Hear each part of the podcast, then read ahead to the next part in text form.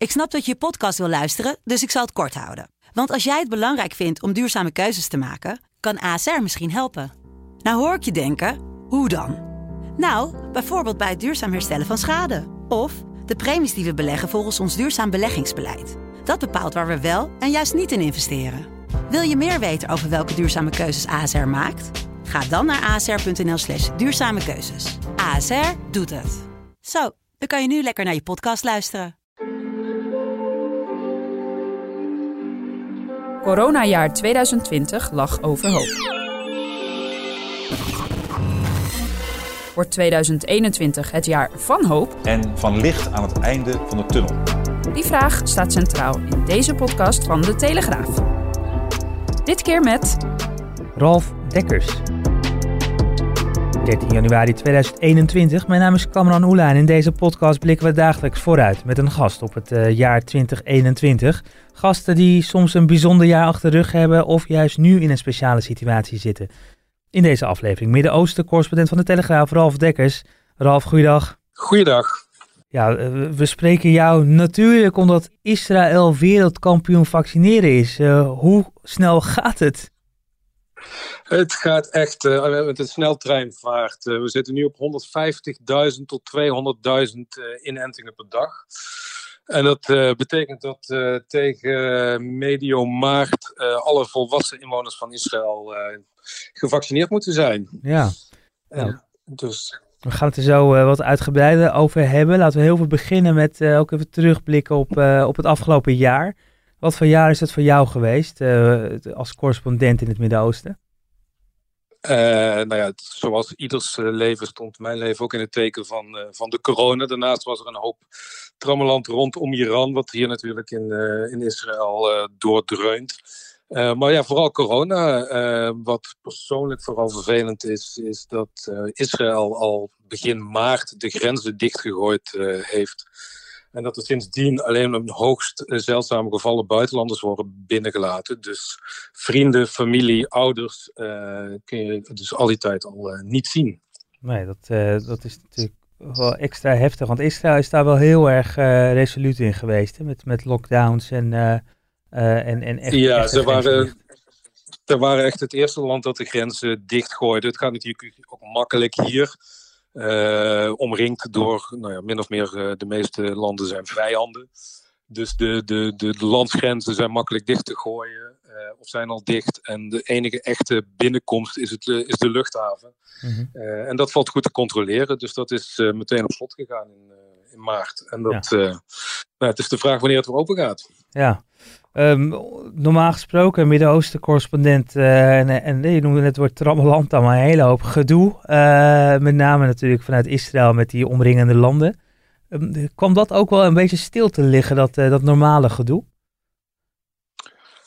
Nou ja, qua werk komt het stil te liggen dat het lastig is om, om te reizen op het moment. Mhm. Met alle, alle restricties die gelden. Aan de andere kant, eh, Iran eh, blijft eh, zijn nucleaire programma doorzetten.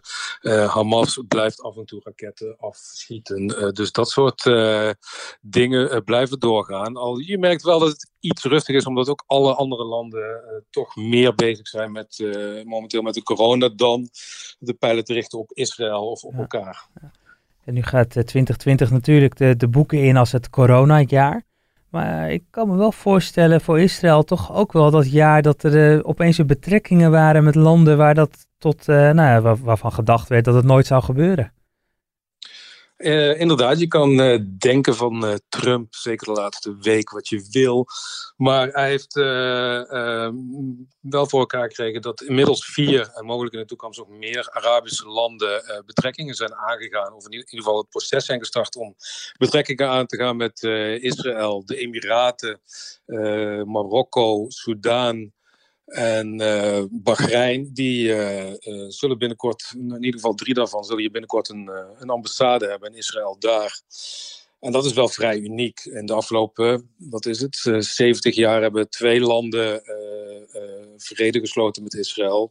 Egypte en Jordanië. Maar dat zijn nog steeds niet echt de beste maatjes zeg maar, met Israël. Maar ik ben bijvoorbeeld langs, onlangs in Dubai geweest. En dan merk je gewoon dat ja, deze vrede is toch anders. Uh. Israëli's reizen daar naartoe, eh, Emiraten komen, zij het in iets mindere mate hier naartoe. En er spelen op de achtergrond allerlei belangen van eh, geopolitiek, economisch. Maar je merkt gewoon dat er interesse is in elkaar en dat er op persoonlijk vlak veel gebeurt. Ja. En dat is wel vrij uniek in, deze, in deze regio. Ja, en deze is heel uniek in die regio. En dan ook nog wel bijzonder dat het juist in deze tijden gebeurt. De tijden met weinig lichtpuntjes in de wereld. En dan ja, eigenlijk wel gigantisch, gigantisch nieuws eh, voor, voor een ieder die dat in het Midden-Oosten zit en zeker dat eh, volgt. Eh, laten we dan ehm, eh, eh, over het vaccineren hebben. We begonnen aan het begin al heel even mee. Want ja, de, de- waar in vorig jaar naar Israël werd gekeken als dat land inderdaad met de eerste lockdown en eh, zeer strenge maatregelen kijkt de hele wereld nu toch wel een beetje van eh, wat is dat Israël aan het doen? Zo snel aan het vaccineren. Ziet Israël dat ook een beetje als een soort race tegen de rest van de wereld? Eh, ja, dat eh, ziet Israël zo, maar dat zien ook de, de farmaceutische bedrijven die die eh, vaccins leveren zo. Die, die beschouwen eigenlijk Israël als een soort grote testcase. Ze hebben natuurlijk allemaal hun, test en alles uitgevoerd, maar nu wordt het op grote schaal in, in Israël gedaan. Eh, tot maart moet het eh, 5,5 miljoen mensen zijn. En dat levert natuurlijk enorm veel data op. Wat zijn de, de bijeffecten? Eh, wer- werkt het werkelijk op zo'n grote schaal? Eh, kunnen mensen die gevaccineerd zijn andere besmetten? Zijn allemaal gegevens die die farmaceutische bedrijven willen hebben.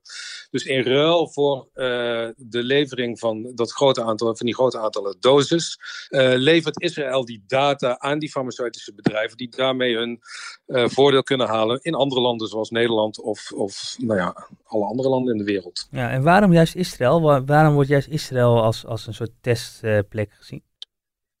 Nou ja, het is natuurlijk, eh, wat ik eerder, wat eerder zei, het is, het is een klein land. Het is eh, geïsoleerd. Eh, er is sprake van een goede logistiek, goede gezondheidszorg. Maar op de achtergrond speelt ook het actieve optreden van de regering hiermee. Eh, de premier Netanyahu, die heeft, ik geloof in de laatste twee maanden, een keer of vijftien met de CEO van eh, eh, Pfizer gebeld om maar druk te, op te voeren om die dosis op tijd te krijgen.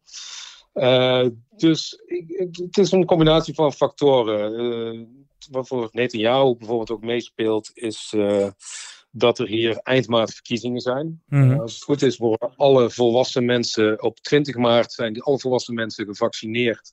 En op 23 maart zijn er verkiezingen. Dus het is net jou er veel aan gelegen om die verkiezingen in te gaan als de held die het land in, in sneltreinvaart heeft weten te, te vaccineren.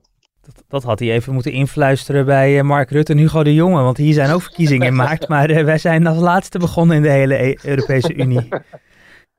Inderdaad, ik, ik, ik weet ook niet of, eh, of andere politici zoals Rutte eh, dagelijks de telefoon oppakken en eh, naar de CEO's van de verschillende farmaceutische bedrijven bellen. Hmm. Wat misschien ook helpt, is dat bijvoorbeeld de CEO van Pfizer is een Griekse Jood. Ja. De belangrijkste medical officer van Moderne is een Israëli. Dus die, die connecties zijn vrij kort en, en, en snel te leggen.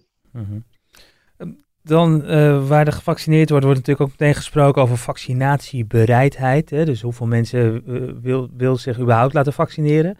Is, is dat nog een eh, discussie in Israël? Zeker met Nou, werd bijvoorbeeld orthodoxe joden die misschien daar wat vanuit religie ook andere overtuigingen hebben. Er werd aanvankelijk, eh, ook, ook hier en de rest van de wereld, eh, voor gevreesd inderdaad. Dat heeft zich tot dusver niet laten zien. De, de verschillende belangrijke orthodoxe rabbijnen die hebben eh, zeg maar, hun volgelingen opgeroepen van laat je vaccineren. Eh, dus die luisteren daarnaar. De enige eh, waar iets minder bereidheid is, is in de Arabische sector, de Arabische gemeenschap. Dat is ongeveer 20% eh, van de bevolking. Daar merk je dat, dat, men, dat er geen rijen staan voor de vaccinatiecentra. Maar de Hmm. bereidheid is, eh, is groot. En dat komt ook mede doordat vanaf volgende maand wordt er hier een groen paspoort ingevoerd. Dus iedereen die gevaccineerd is, krijgt een, een groen document, een groen mhm. paspoort. En daarmee moet je in de, vanaf februari naar restaurants kunnen, naar culturele voorstellingen. Als je in contact bent geweest met iemand die corona heeft gehad, hoef je niet meteen in, heeft op dat moment, hoef je niet meteen in quarantaine. Dus dat, dat groene paspoort, dat lokt veel mensen die dat gewoon als een, ja, als een, een geen vrijbrief, maar een brief zien om, om het leven weer op te pakken. Ja. En dat zorgt wel voor, uh, ervoor dat veel mensen toch uh, zich laten vaccineren. Dus eigenlijk is de verwachting dan ook wel dat een beetje in de tweede helft van maart misschien wel een beetje terug kunnen naar het normale leven.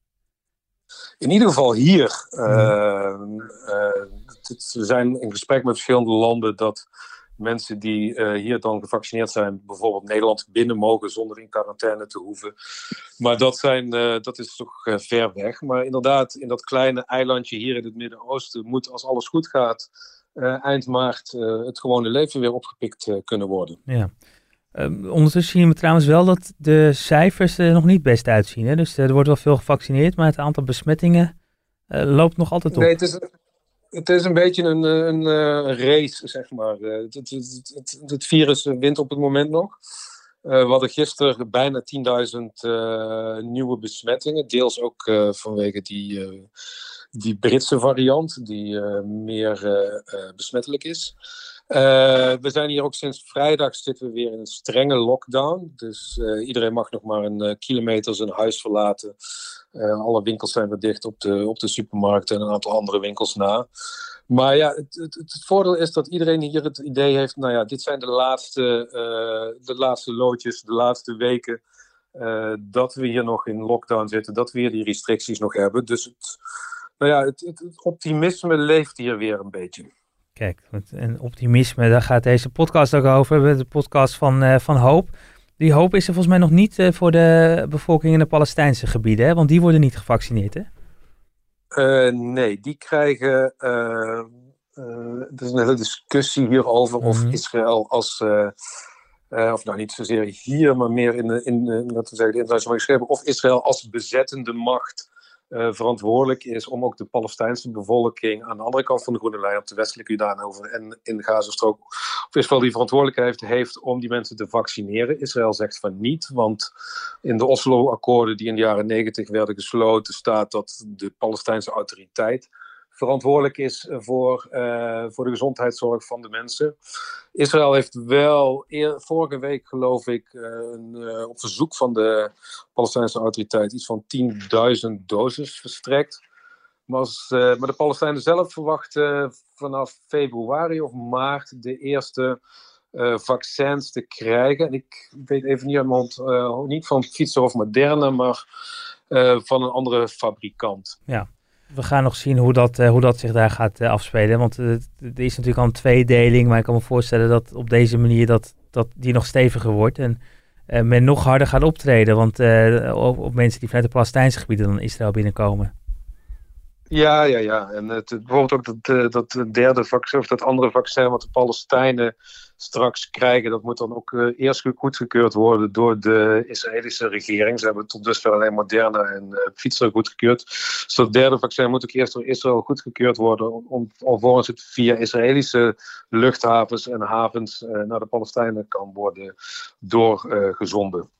Tot, uh, tot slot, uh, Ralf, we vragen in deze podcast iedereen een beetje aan het einde. Wat geeft jou hoop? Hè? Wat, wat, wat, of, of, of, wat hoop jij voor 2021? Zullen we die vraag aan jou stellen? Uh, nou ja, als ik uh, puur persoonlijk kijk, dan hoop ik dat, het, uh, dat de grenzen weer open gaan. Dat het in ieder geval mogelijk is om familie en vrienden weer te bezoeken en, en, en te ontvangen. zeker met twee kleine kinderen en opa en oma die ver weg zitten. Mm. Dat, dat is, FaceTime is leuk, maar persoonlijk contact, dat hoop ik dat, dat het komend jaar weer, eindelijk weer van gaat komen. Nou, dat hopen we mee met jou, dat jij op die manier gewoon weer kan reizen en de familie kan, kan bezoeken. Ralf Dekkers, onze Midden-Oosten-correspondent, dankjewel. En u bedankt voor het luisteren naar deze podcast. Morgen dan zijn we er weer. Dan weer een nieuwe podcast en dan weer meer over hoop.